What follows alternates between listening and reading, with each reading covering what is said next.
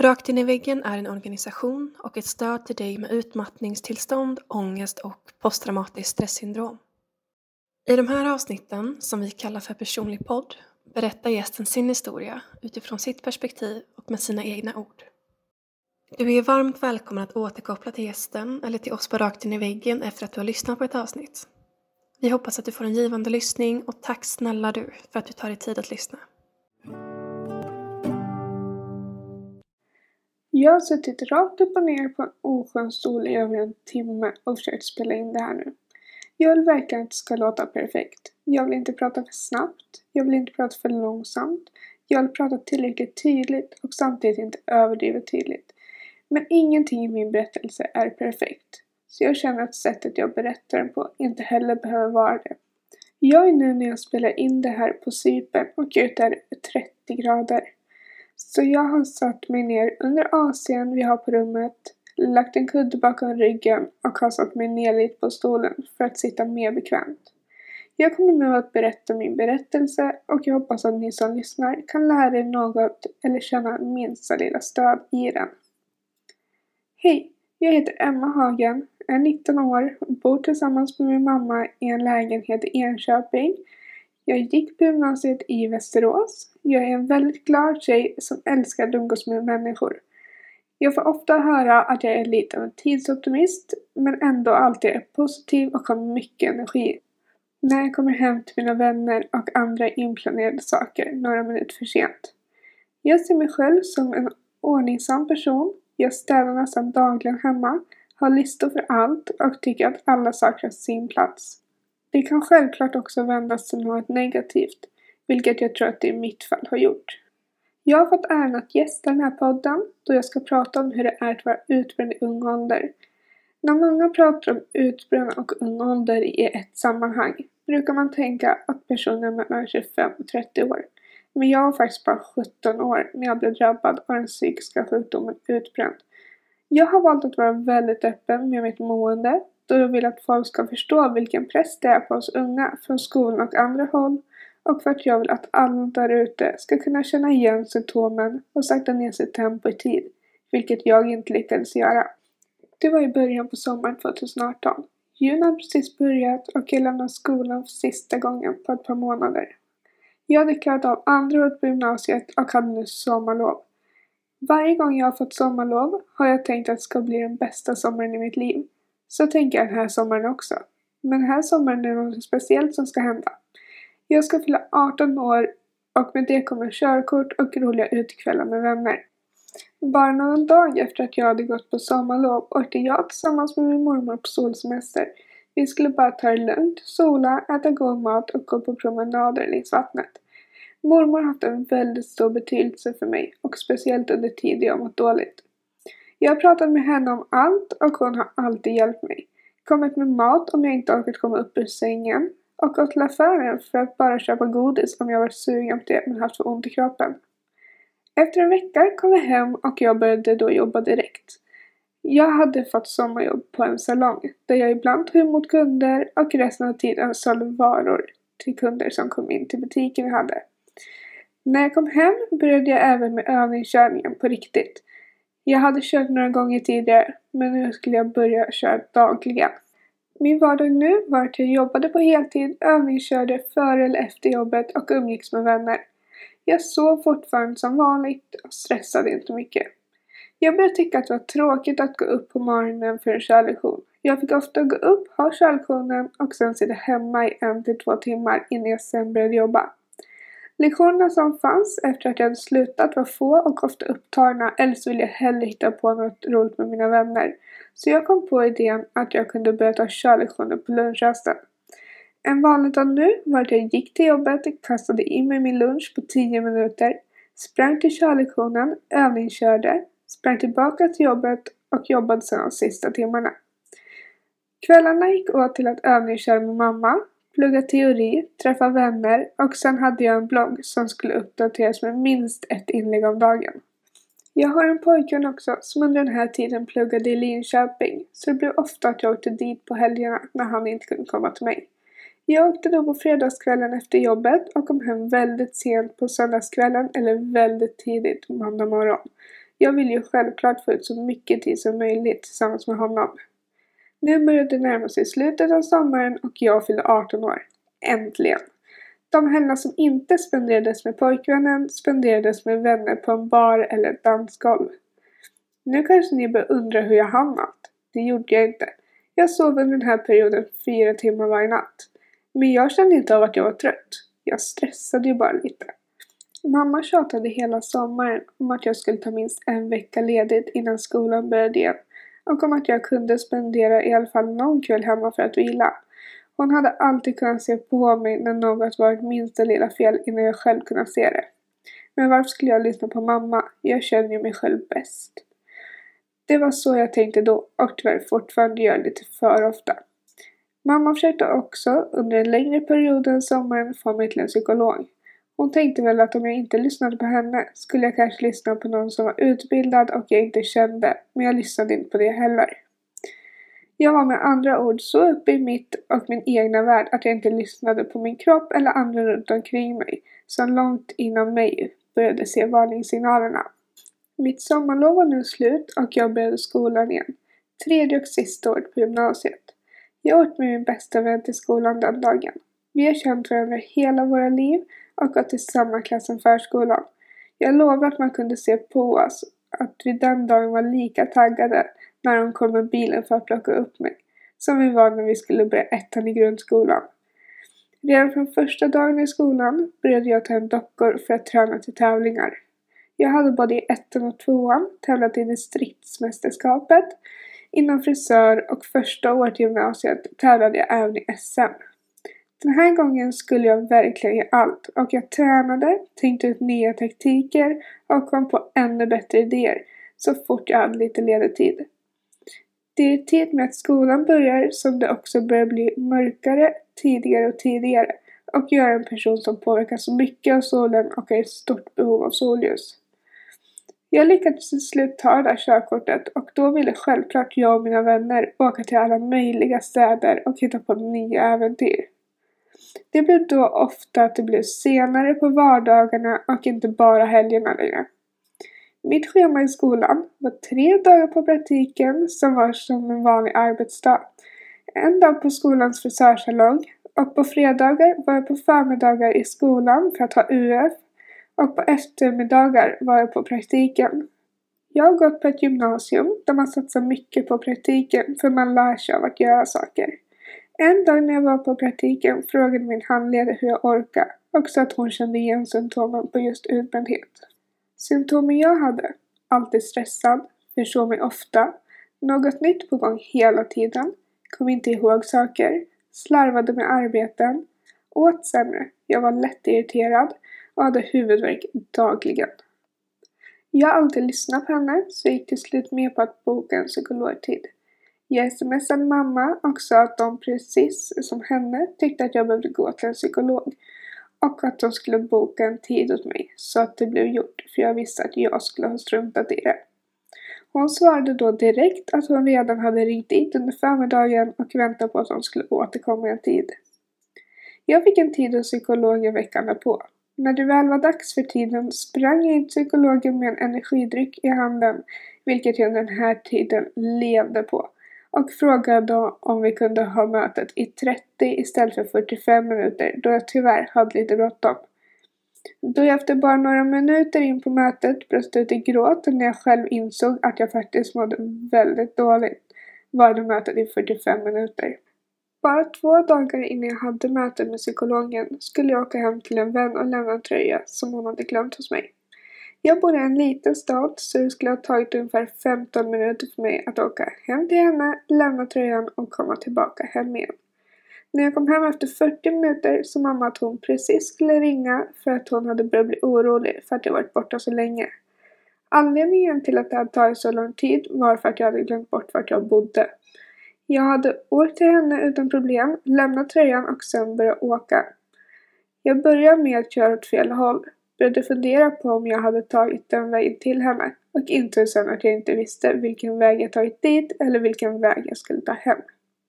Det slutade med att jag körde ut på motorvägen, vilket är helt fel då jag bor mitt på stan. Psykologen trodde egentligen inte att man blev utbränd i så ung ålder som jag var i. Men sa att om man var tjej och hade stressat sedan man var 12 år så kunde det vara möjligt. Jag fick göra ett test som bestod av ett poängsystem. Det stod ett påstående och sen skulle man ringa in från 1 till 5 hur bra det stämde in. Desto högre poäng man hade, desto värre var det.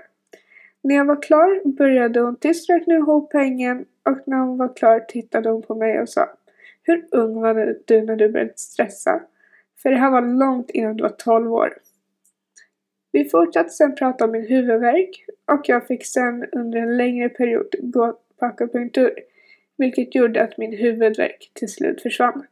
Man kunde tydligt märka på min huvudvärk och mina muskler att jag var stressad och hade spänt för mycket. Jag blev direkt efter mötet med psykologen sjukskriven. Jag skrev på kvällen ett meddelande till min lärare och berättade om det var. Att min psykolog ville att jag skulle ha en anpassad skolgång om jag någon gång inom en snar framtid skulle bli frisk. Min lärare förstod och sa till mig att jag skulle stanna hemma dagarna på och bara vila. Jag skulle prioritera mig. Jag har fått väldigt bra stöd från mina lärare från dag ett till sista dagen i skolan. Nästa gång jag skulle till skolan fick jag ett meddelande från min lärare dagen innan jag skulle dit där hon sa att jag skulle ta med alla dockor jag hade hemma. Jag fick i skolan veta att hon inte tyckte att jag skulle tävla. Det tog hårt på mig men jag förstod att hon hade rätt. Fast jag förstod att hon hade rätt grät jag väldigt mycket när jag kom hem. Då jag började förstå att mitt mående skulle hindra mig från väldigt många saker jag ville göra. Jag fick ett nytt schema där jag bara skulle vara i skolan eller på praktiken fyra timmar varje dag. Men vi märkte väldigt snart att jag bara blev tröttare och tröttare så vi gick då ner till tre timmar varje dag förutom på fredagar där jag tog bort UF helt och fick jobba med mitt gymnasiearbete hemifrån när jag orkade istället.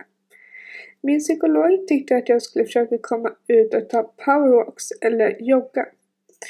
När man utför pulserande aktiviteter utsöndrar kroppen endorfiner, vilket ger kroppen positiv energi och man känner sig piggare. Målet var att jag skulle komma ut tre gånger i veckan. Jag försökte så gott jag kunde, men det är väldigt tufft när man egentligen inte orkar lämna sängen. Det kändes som ett helvete började när jag lät mitt dåliga mående komma fram. Jag har inte varit med någonting i skolan när vi har bestämt saker om studenten för det känns som att jag ändå inte skulle orka ta mig dit på den stora dagen. Och jag har förlorat många vänner för att jag inte kom ihåg viktiga saker som de hade berättat för mig och för att jag alltid sa nej när de ville göra något men inte gav en bra anledning för att jag inte vågade berätta att jag mådde som jag gjorde. Min lärare gav mig sex skriftliga uppgifter som jag skulle lämna in till studenten för att bli godkänd i alla frisördelarna och fick då välja om jag ville åka in till skolan och jobba eller om jag ville jobba hemifrån. Om det var något jag undrade kunde jag bara höra av mig till mina lärare via Facebook så svarade de mig så fort de hade möjlighet. Delprovet är ett prov som man som frisör får välja om man vill genomföra eller inte. Om man någon gång ska kunna bli färdig frisör är det ett prov man behöver göra. Det är många olika delar där man bland annat ska klippa, färga och göra uppsättningar. Jag bestämde mig för att genomföra provet hur dåligt jag än mådde. Jag lyckades genomföra hela provet som varade ungefär 10 timmar och jag klarade det dessutom. Jag klarade och blev så glad att jag grät till ansiktet var helt blött och klassen och lärarna också grät. Domarna måste trott att vi var jättedumma när vi satt i köket på skolan och grät allihopa. Men jag har aldrig någonsin gråtit så mycket av lycka som jag gjorde då. I det ögonblicket tänkte jag att jag kunde klara allt, men så var det inte. Jag blev sängliggandes i tre dagar efter för att jag hade så ont i kroppen. Jag sov dygnet runt och kunde knappt resa mig ur sängen för att jag hade så ont i armar och ben. När jag kom hem la jag mig i soffan med täcket. Mamma beställde mat till mig och jag somnade direkt. Hon väckte mig innan maten kom. Jag åt och sen somnade jag om igen. Mamma väckte mig så jag fick gå och lägga mig i sängen och jag sov sedan till väldigt sent dagen därpå. När det har varit som värst har jag kommit innanför dörren hemma och bara satt mig i hallen och gråtit för att jag varit helt slut. Och vissa gånger har min pojkvän inte ens kunnat krama mig för att det har kommit tårar av smärta. Jag fortsatte må som jag gjorde och efter ett tag fick jag ett meddelande av en tjej som jobbade och hade praktik och sa att hon hade fått veta att SVT börjat spela in en serie om tjejer som var utbrända i ung ålder och hon trodde att min personlighet och min historia skulle passa bra in i programmet. Jag trodde inte att jag skulle passa in då jag alltid har tyckt att det är ganska pinsamt att filma mig själv och prata med en kamera. Men jag och min pojkvän hade en myskväll hemma en lördag. Vi hade lagat mat och låg i soffan och sträckkollade på en serie. När klockan närmade sig 24 på lördagskvällen skrev jag ihop ett mejl om mig själv, mitt mående och hur min vardag såg ut. Redan dagen efter ringde tjejen som var ansvarig för serien till mig för att prata vidare om serien om det var så att jag var intresserad. Jag skulle åka upp till Dalarna med min mamma några dagar på måndagen, men kom hem på torsdagskvällen igen. Hon sa att hon kunde komma till Enköping från Göteborg på fredagen så att vi kunde prata mer om det här och jag kunde få mer information. Efter en fika hos mig, där jag hade berättat ytterligare lite mer om mig och hon hade sett mer om serien, vad som skulle hända och vad man ville få för resultat, hade jag gått med på att vara med i serien.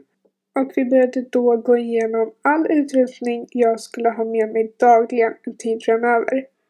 Utrustningen jag fick var en iPhone med en speciell app som jag skulle filma på, en mikrofon jag kunde koppla till telefonen för att få extra bra ljud och ett stativ så jag kunde ställa ifrån mig telefonen och filma när jag gjorde något. Den fredagen var det 100 dagar kvar till studenten, vilket jag skulle fira med klass och vänner. Och jag började filma redan en timme efter mötet. Efter mötet vilade jag några timmar och åt middag innan jag åkte hem till en vän. Där vi tillsammans gjorde oss i ordning innan vi fick skjuts till Västerås, där jag pluggade och vi skulle fira att det bara var 100 dagar kvar till studenten.